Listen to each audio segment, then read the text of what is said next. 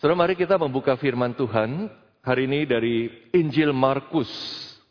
Markus pasal yang kelima, kita melihat ayat 21 sampai 43. Markus pasal yang kelima, ayat 21 sampai 43. Markus pasal yang kelima ayat 21 sampai 43. Demikian firman Tuhan. Sesudah Yesus menyeberang lagi dengan perahu, orang banyak berbondong-bondong datang lalu mengerumuni dia. Sedang ia berada di tepi danau. Datanglah seorang kepala rumah ibadat yang bernama Yairus.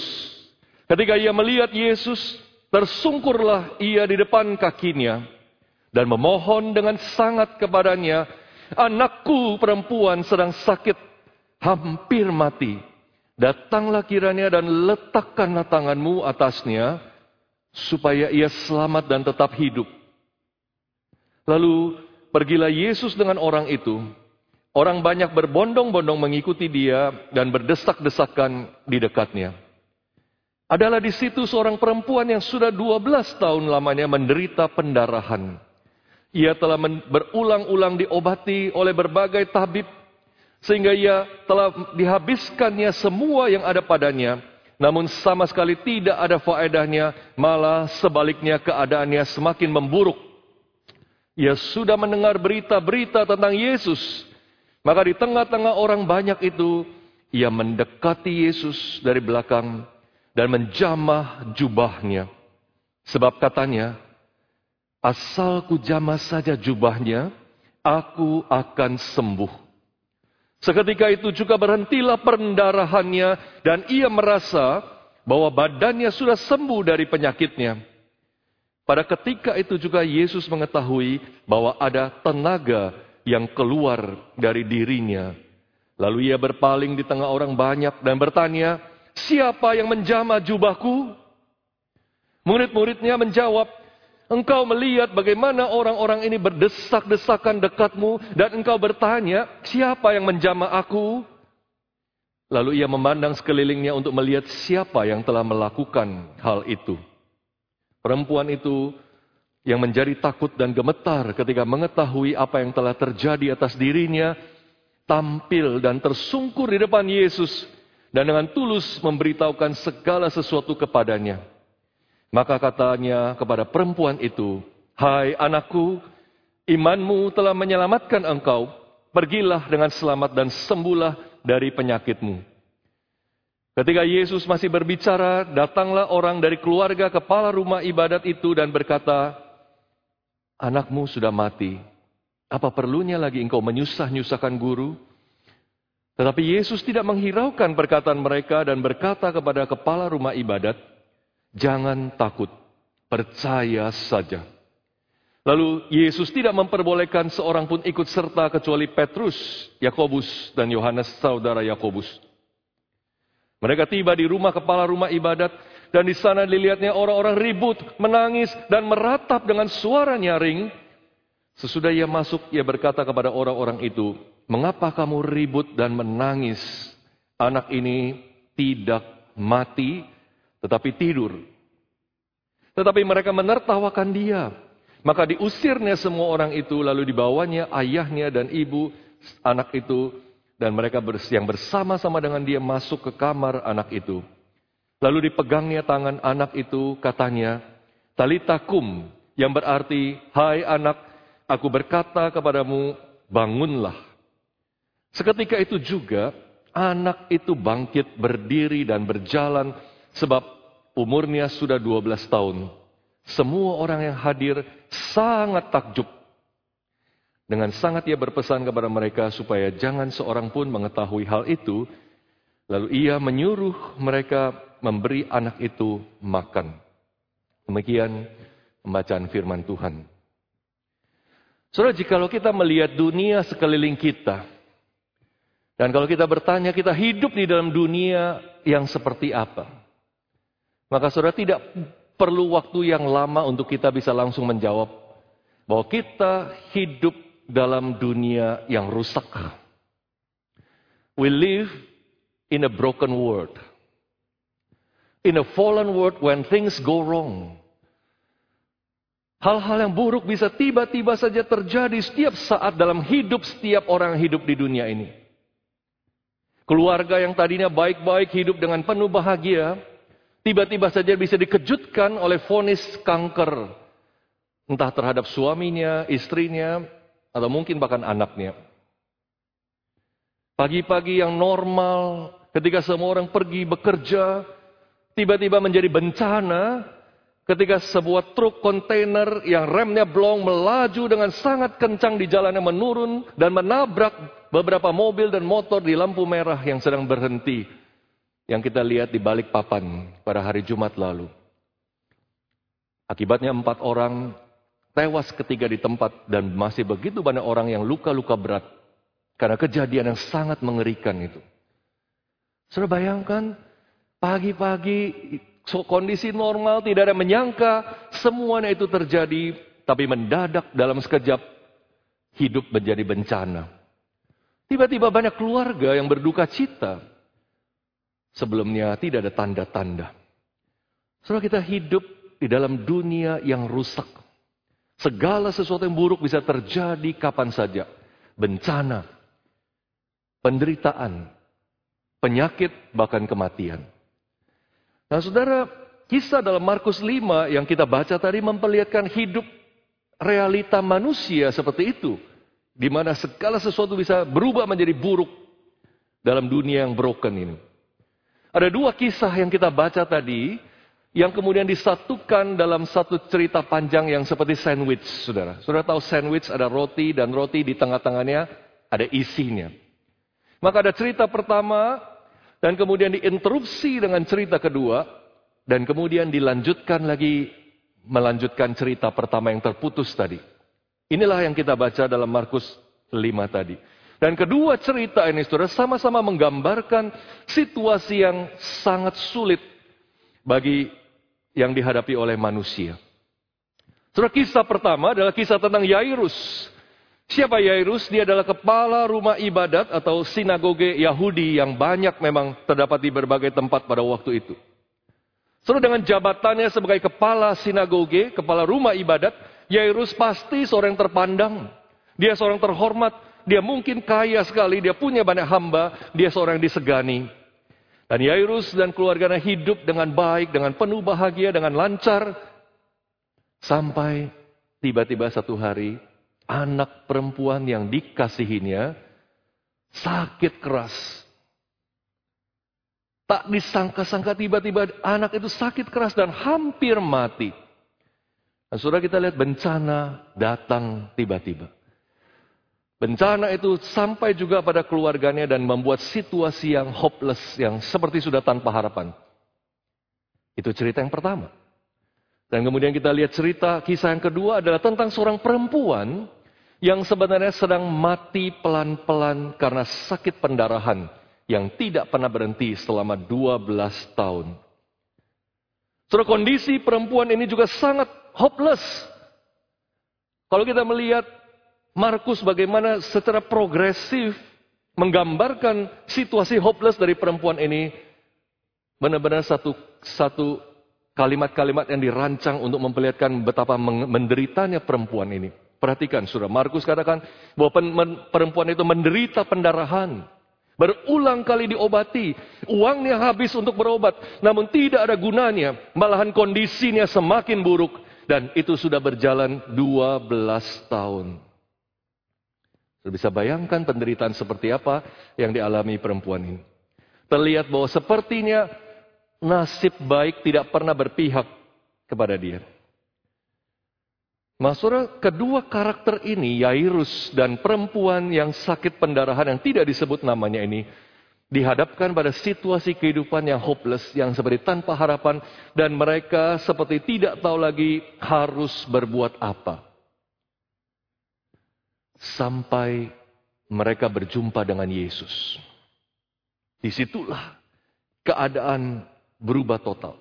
Dan apa yang paling indah dalam teks yang kita lihat ini, kedua orang itu baik Yairus maupun perempuan yang sakit pendarahan ini menunjukkan iman keterga iman yang total kepada Yesus.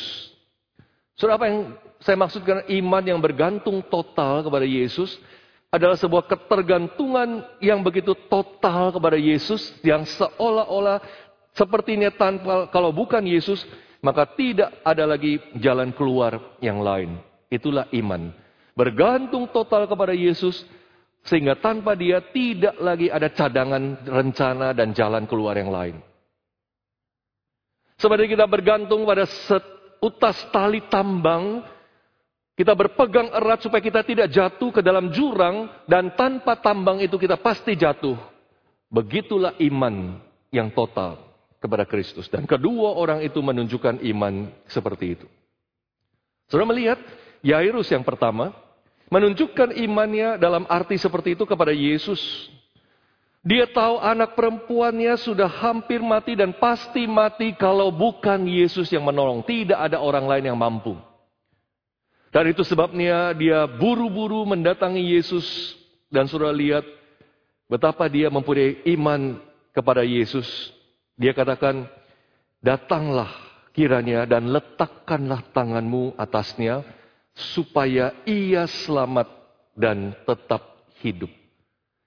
Yairus tahu hanya Yesuslah satu-satunya harapannya dan tanpa Yesus anaknya pasti mati. Iman yang bergantung total hanya kepada Yesus. Dan, tapi saudara kita melihat bahwa iman Yairus ini bukannya tanpa tantangan. Paling tidak ada dua tantangan besar yang dihadapi Yairus. Yang pertama saudara, ketika Yesus sedang menuju rumahnya untuk menyembuhkan anak perempuannya, Tiba-tiba muncullah seorang perempuan yang sakit pendarahan kronis ini. Dan tanpa menyadari situasi krisis yang dihadapi oleh Yairus dan anaknya, perempuan ini menghambat perjalanan Yesus. Kita sudah baca tadi. Ini ibarat ambulans yang membawa dokter ahli yang hebat sekali menuju ke rumah seorang pasien yang kritis, tapi ambulannya ambulannya stuck. Berhenti di tengah jalan, tidak bisa maju karena dihambat seseorang. Sudah bisa bayangkan betapa sulitnya kondisi ini. Tentu saja Yairus bisa gusar, saudara. Mungkin Yairus bahkan kita tidak membaca, tapi dalam hati mungkin dia bisa kesal. Dia mungkin seperti berkata, bagaimana ini anakku sudah hampir mati, situasi sangat krisis, waktu sangat sempit. Dan Yesus malah mengurus hal-hal yang kelihatan remeh-temeh, siapa yang menjama jubahku. Di tengah begitu banyak orang, masa Yesus mengurus, mempersoalkan, mempersoalkan siapa yang menjama jubahnya. Dan ini menjadi seperti tantangan iman bagi Yairus, apakah dia bisa tetap percaya meskipun situasi sangat genting. Bahkan ada hambatan. Dan tantangan kedua, saudara yang dihadapi si ayah ini, bahkan lebih besar. Ketika Yesus masih sibuk dengan perempuan yang menderita pendarahan itu, Muncullah anggota keluarga Yairus datang menyambangi dan membawa kabar. Anakmu sudah mati. Sudahlah. Untuk apa lagi merepotkan guru? Untuk apa lagi menyusah-nyusahkan guru suruh datang ke rumah? Selesai sudah. Sudah bisa bayangkan betapa hancurnya hati Yairus. Setelah semua ketegangan mencari Yesus, mendapatkan Yesus, memohon Yesus datang ke rumahnya, dan bahkan Yesus sudah bersedia mengikuti dia dalam perjalanan ke rumahnya. Karena interupsi perempuan yang sakit pendarahan itu, maka semuanya terlambat. Anaknya sudah telanjur mati. Semua usahanya sia-sia. Akan tetapi Yesus berkata kepada Yairus, "Jangan takut, percaya saja." Jangan takut, percaya saja.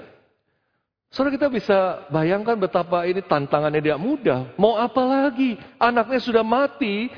Bagi manusia semua sudah terlambat. Bagaimana mungkin Yesus masih bisa berkata percaya saja. Tapi kita melihat Yairus tetap beriman. Dia percaya bahwa Yesus apa yang dia katakannya pasti benar karena dia katakan jangan takut, percaya saja. Dan Yairus menunjukkan iman yang luar biasa itu dia tetap membawa Yesus datang ke rumahnya. Inilah iman yang ditunjukkan Yairus. Ketergantungan total kepada Yesus Dan tanpa Yesus tidak ada lagi jalan keluar yang lain. Saudara, di sinilah kita melihat kedua kisah yang muncul secara sandwich ini. Kelihatannya seolah kebetulan terjadi bersamaan, tapi ternyata ada banyak hal yang menghubungkan kedua cerita ini. Ada banyak links yang menghubungkan kedua cerita ini. Saudara kita melihat Yairus mendengar cerita perempuan itu tentang pendarahannya, tentang penderitaannya selama 12 tahun. Dan Yairus melihat bagaimana Yesus dengan kuasanya mampu menyembuhkan penyakit yang tidak pernah sembuh oleh berbagai tabib yang sudah habis uang begitu banyak, malah kondisinya semakin memburuk. Yesus sanggup sembuhkan perempuan yang sakit pendarahan itu. Dan Yesus berkata kepada perempuan itu, "Hai anakku, Imanmu telah menyelamatkan engkau. Pergilah dengan selamat dan sembuhlah dari penyakitmu. Saudara Yairus melihat semuanya itu. Dan apakah saudara memperhatikan satu hal yang menarik yang mengaitkan dua kisah ini? Perhatikan di ayat 42, berapa umur anak perempuan Yairus? Dikatakan anak perempuan itu umurnya 12 tahun. 12 tahun. Dan perempuan itu sudah menderita pendarahan juga selama 12 tahun. Sama-sama 12 tahun. Yang satu mati pada usia 12 tahun. Yang satu sedang mati pelan-pelan selama 12 tahun. Dan di sinilah Yesus seolah berkata kepada Yairus, Yairus, lihat apa yang telah aku perbuat kepada seorang anak 12 tahun, eh, kepada seorang perempuan yang sudah 12 tahun menderita, dan percayalah untuk apa yang aku bisa lakukan kepada anakmu yang usianya 12 tahun. Saudara, di sinilah iman perempuan yang mengalami pendarahan itu menjadi satu model bagi Yairus untuk percaya kepada Yesus dan tetap beriman kepada Yesus meskipun tidak seperti sudah tidak ada pengharapan karena sudah mati. Yesus berkata, jangan takut, percaya saja. Saudara dalam kedua cerita ini baik Yairus maupun perempuan yang menderita pendarahan itu sama-sama menunjukkan iman yang luar biasa. Sama-sama menunjukkan ketergantungan total kepada Yesus dan tanpa Yesus tidak ada lagi harapan. Tapi Yesus secara khusus dia memberikan endorsement atau approval atau pujian kepada perempuan yang menderita pendarahan itu. Dan perempuan ini menunjukkan iman yang patut dipuji, menjadi model iman bagi setiap murid dan pengikut Yesus. Setelah kita melihat bagaimana penderitaannya selama 12 tahun itu, kita sudah melihat bagaimana dia menghabiskan seluruh uangnya untuk berobat yang hanya untuk mendapatkan kondisi yang makin buruk dan penyakitnya tidak sembuh. Dan itu belum ditambah saudara dengan status sosial perempuan itu karena pendarahannya. Saudara bisa melihat bahwa menurut hukum Taurat, seorang perempuan yang mengalami pendarahan itu dianggap tidak tahir atau najis.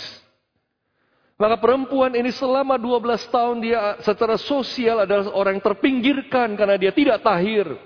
Dia tidak pernah ber, bisa beribadah bersama-sama dengan orang yang lain. Dia tercabut dari komunitasnya. Dia seorang outsider.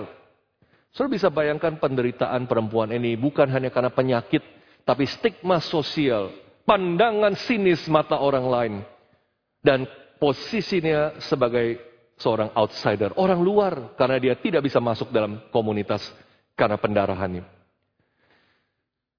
Tapi imannya luar biasa. Dia berpikir asal saja ku jamah jubahnya, jubah Yesus. Aku akan sembuh.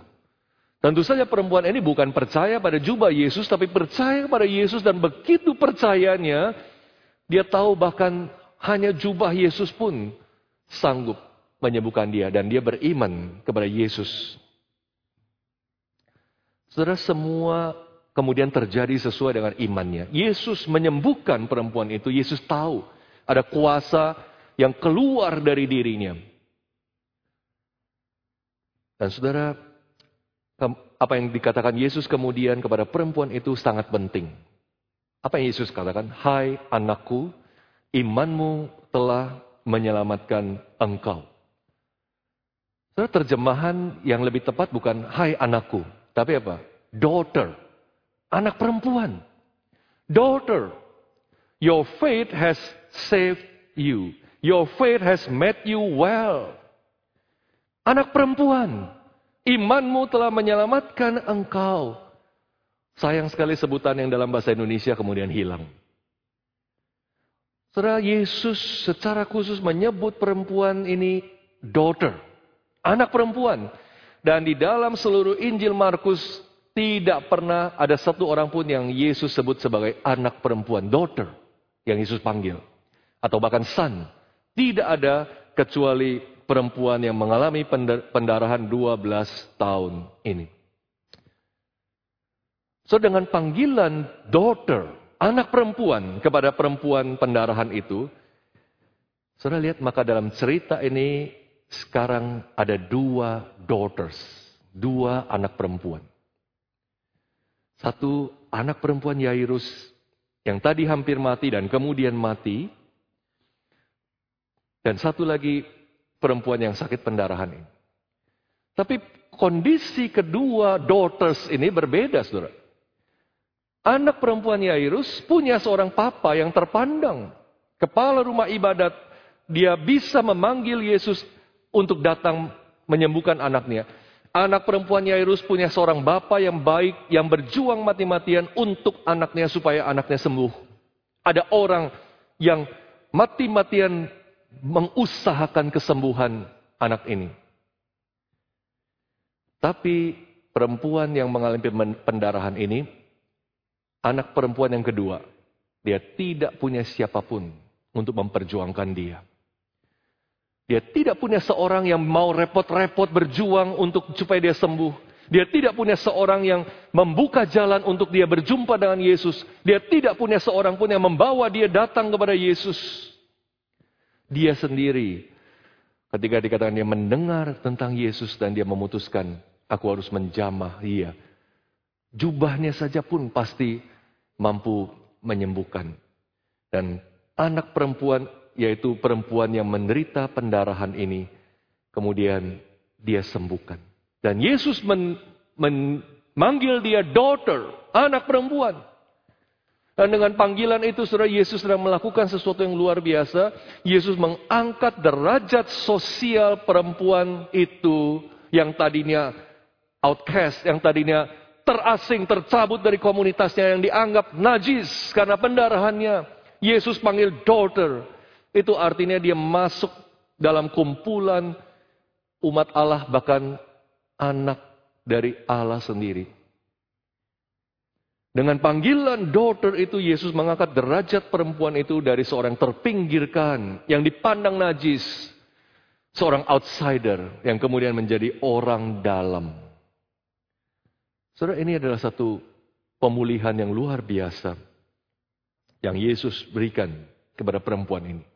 Bukan hanya penyakitnya secara fisik disembuhkan, tetapi posisi rohani dan sosial dari perempuan ini. So, Yesus peduli bahkan pada orang yang sangat sederhana dan tidak dipandang oleh orang lain.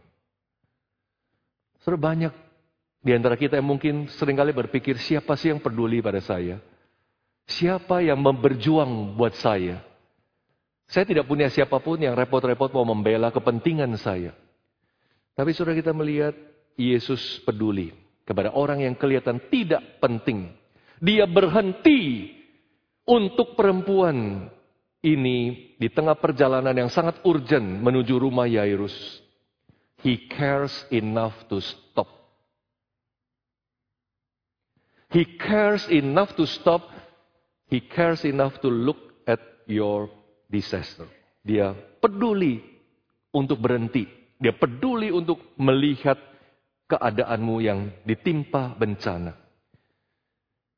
Apakah saudara tahu bahwa Yesus begitu peduli kepada saudara? Dan tidak ada hal yang begitu pentingnya yang Tuhan tidak bisa tinggalkan untuk berhenti sejenak melihat keadaan saudara dan menolong saudara. Apakah saudara tahu bahwa tidak ada sesuatu pun yang bisa membuat Yesus terhalang untuk menolong kondisi saudara yang begitu sulit dalam dunia yang rusak ini. Saudara cerita yang panjang ini bukan hanya berbicara tentang iman Yairus dan perempuan pendarahan ini. Jangan lupa saudara apa yang kita baca barusan adalah Injil, Gospel. Dan apa yang penting dalam Injil terutama adalah siapa Yesus dan kerajaan seperti apa yang dibawa oleh Yesus masuk ke dalam dunia ini yang Yesus beritakan. Selalu dikatakan Yesus berkeliling memberitakan kerajaan Allah dan inilah yang harus kita lihat sebagai yang paling penting dalam berita firman hari ini. Saudara, kedua kisah ini mempunyai satu hal yang mengaitkan lagi keduanya. Selain usia anak, usia, usia selama sakit pendarahan 12 tahun. Satu hal yaitu baik perempuan yang sakit pendarahan itu maupun anak perempuan Yairus sama-sama kondisinya sebenarnya dalam keadaan unclean. Tidak tahir atau bahkan najis menurut hukum Taurat. Hukum Taurat menentukan bahwa seorang perempuan yang sakit pendarahan itu unclean, tidak tahir, dan mayat atau jenazah itu juga tidak tahir, najis. Barang siapa yang tersentuh atau menyentuh semuanya itu akan juga menjadi najis. Surah kenajisan itu contagious, itu menular, surah. Kenajisan itu akan menyentuh siapa saja yang terkena oleh kenajisan itu. Maka perempuan yang sakit pendarahan ini dan anak perempuan Yairus yang sudah menjadi jenazah itu seharusnya menajiskan Yesus yang mengalami sentuhan dengan keduanya. Tapi saudara kita melihat Yesus tidak menjadi najis karena perempuan najis itu menyentuhnya. Yesus tidak menjadi najis karena dia menyentuh jenazah anak perempuan itu. Sebaliknya, Yesus kuasa Yesus Yesus membalikkan kenajisan mereka menjadi ketahiran, menjadi pemulihan dan bahkan hidup dari kematian. Saudara, ini kabar baik, ini Injil. Dalam dunia yang rusak ini, saudara. Dalam dunia yang hancur dan penuh bencana yang tiba-tiba hal-hal buruk yang bisa datang, harapan satu-satunya kita adalah pada kuasa Yesus yang membawa satu kerajaan melalui kerajaannya membawa pemulihan bagi dunia yang rusak ini. Saudara, kerajaan dunia menghasilkan kerusakan, Kerajaan dunia menghasilkan penderitaan. Kerajaan dunia menghasilkan kenajisan bahkan kematian. Tapi kerajaan Allah yang dibawa oleh Yesus menghasilkan pemulihan. Purifying power. Memurnikan dan menghidupkan. Dan setiap orang yang percaya kepadanya, seperti Yairus dan perempuan yang sakit pendarahan itu, akan mengalami kuasa yang luar biasa yang memulihkan segala sesuatu. Suruh melalui teks ini kita melihat bahwa Yesus sanggup menghandle setiap bencana, setiap tragedi, setiap situasi yang paling buruk sekalipun dalam hidup kita. Dia sanggup. Tidak ada yang terlalu sulit buat dia. Karena itulah kuasa yang sedang datang ke dalam dunia dan sedang bekerja dalam dunia. Kita, kita mungkin tidak akan pernah tahu bagaimana cara Allah bekerja, tapi pasti dia selalu bekerja dalam hikmatnya dan dalam jalannya. Setelah kita melihat di sini, Yesus membawa sebuah kuasa yang membalikkan. Satu reversing power dari dunia yang menghancurkan, merusak, melumat kita. Sehingga kita selalu dalam posisi hopeless. Kita seperti tidak tahu mau berbuat apa lagi. Karena bencana demi bencana bisa datang tiba-tiba. Tapi Yesus dengan Injil, dengan kuasa kebangkitannya, membawa satu reversing power yang membalikkan keadaan. Dan itu sudah terjadi dan sedang terjadi. Tetapi saudara, kita harus menyadari, mengerti bahwa tidak setiap penyakit pasti Tuhan sembuhkan dalam kehidupan di dunia ini. Tidak semua bencana pasti Tuhan luputkan dari kita dari dalam kehidupan kita di dunia ini. Sebagai pengikut Yesus, Tidak ada janji itu. Tapi di sini sudah kita melihat kerajaan Allah itu sudah datang. Dan jangan lupa kerajaan Allah itu bersifat already but not yet. Di satu sisi sudah, tapi di sisi lain belum. Already but not yet. Maksudnya apa saudara? Kuasa pemulihan dari Yesus yang luar biasa itu sudah mengambil alih di tengah-tengah dunia ini. Dunia yang penuh dengan kerusakan, penderitaan, kenajisan, kematian. Kuasa kerajaan Allah itu sudah menerobos ke dalam dunia ini dan membalikkan situasi. Itu sudah terjadi dengan kebangkitan Yesus dari antara orang mati. Kemenangan Yesus atas kuasa iblis. Itu sudah terjadi. Tapi puncak dari kemenangan itu baru akan dinyatakan secara penuh dengan kemuliaan yang tiada tara nanti pada waktu Yesus datang kedua kalinya. Itu yang belum, not yet.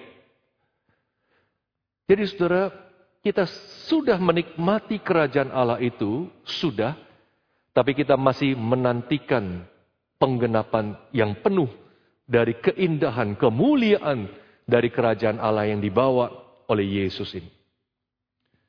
Maka saudara hari ini jika orang Kristen sakit, bahkan sudah berdoa, sudah bersungguh-sungguh beriman kepada Yesus tapi tidak sembuh, itu bukan karena kurang iman.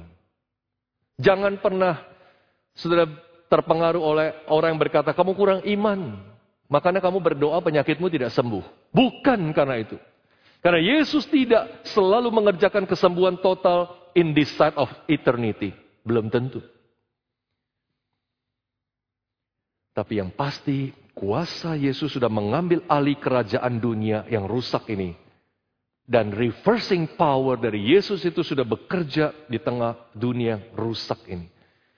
Jikalau ada yang sakit, orang percaya yang sakit dan tidak disembuhkan, bukan karena dia kurang iman. Bukan karena Allah tidak peduli. Ingat, Jesus always cares enough to stop and to look at you. Dia berhenti dan dia melihat saudara. Kalau hidup saudara hari ini masih mengalami satu tragedi, sakit yang makin parah, ingatlah bahwa Yesus tetap sang pemenang itu. Ingatlah bahwa kerajaan itu sudah diberikan kepada saudara dan dia sedang bekerja untuk menyatakan kemuliaannya yang final yang akan menjadi bagian kita semua pada waktu dia menyatakan diri kelak. Dia akan datang dan kita menikmati kemuliaan itu.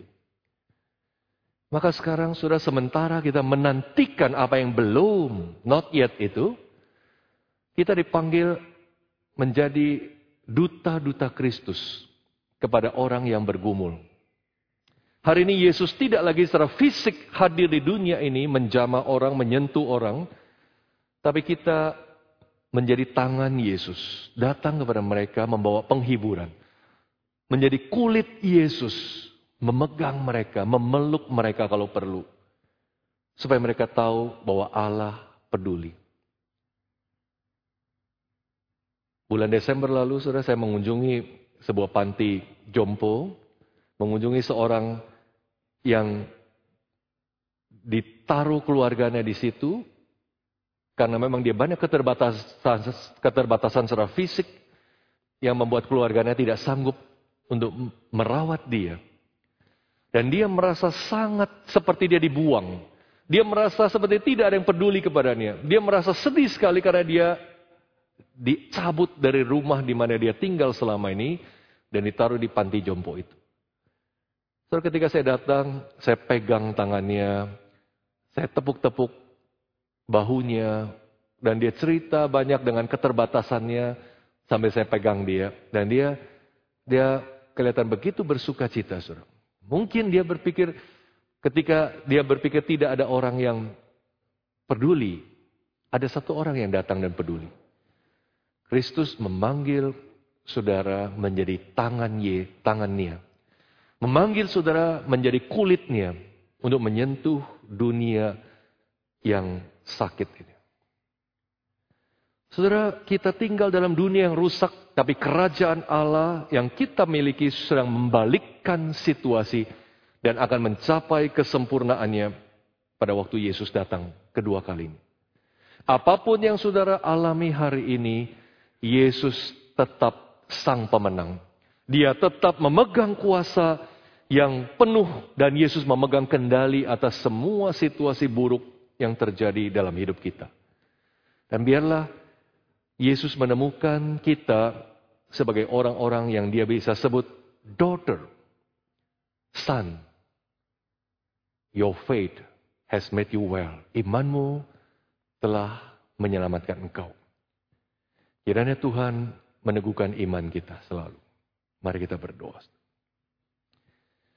Bapak kami bersyukur untuk firman Tuhan yang boleh memberikan kami satu realitas Injil yang luar biasa. Meskipun kami tinggal di tengah dunia yang rusak, di mana hal-hal buruk selalu bisa terjadi, kami tahu siapa memegang kendali. Kami tahu siapa yang berkuasa dan siapa yang menjadi raja di tengah dunia yang seperti ini? Tuhan Yesus. Yang telah bangkit dari antara orang mati. Yang sedang mengerjakan kemuliaan yang sempurna. Yang kami akan nikmati pada waktu kedatanganmu. Pada waktu engkau menyatakan dirimu kelak. Terima kasih Tuhan untuk janji firmanmu. Hamamu berdoa untuk setiap orang, setiap jemaat. Baik yang di gereja ini, yang di rumah masing-masing. Yang sedang mengalami disaster dalam hidup mereka, kesulitan, penderitaan, bahkan ambang kematian. Kami berdoa Tuhan, kau lawat mereka seperti engkau melawat Yairus, seperti engkau melawat perempuan yang pendarahan 12 tahun. Tuhan membawa satu perubahan, pemutarbalikan keadaan di dalam hidup mereka. Dan dalam semuanya biar Kristus ditinggikan, Kristus dimuliakan. Terima kasih Tuhan untuk firman-Mu. Demi nama Tuhan Yesus, kami bersyukur dan berdoa. Amin.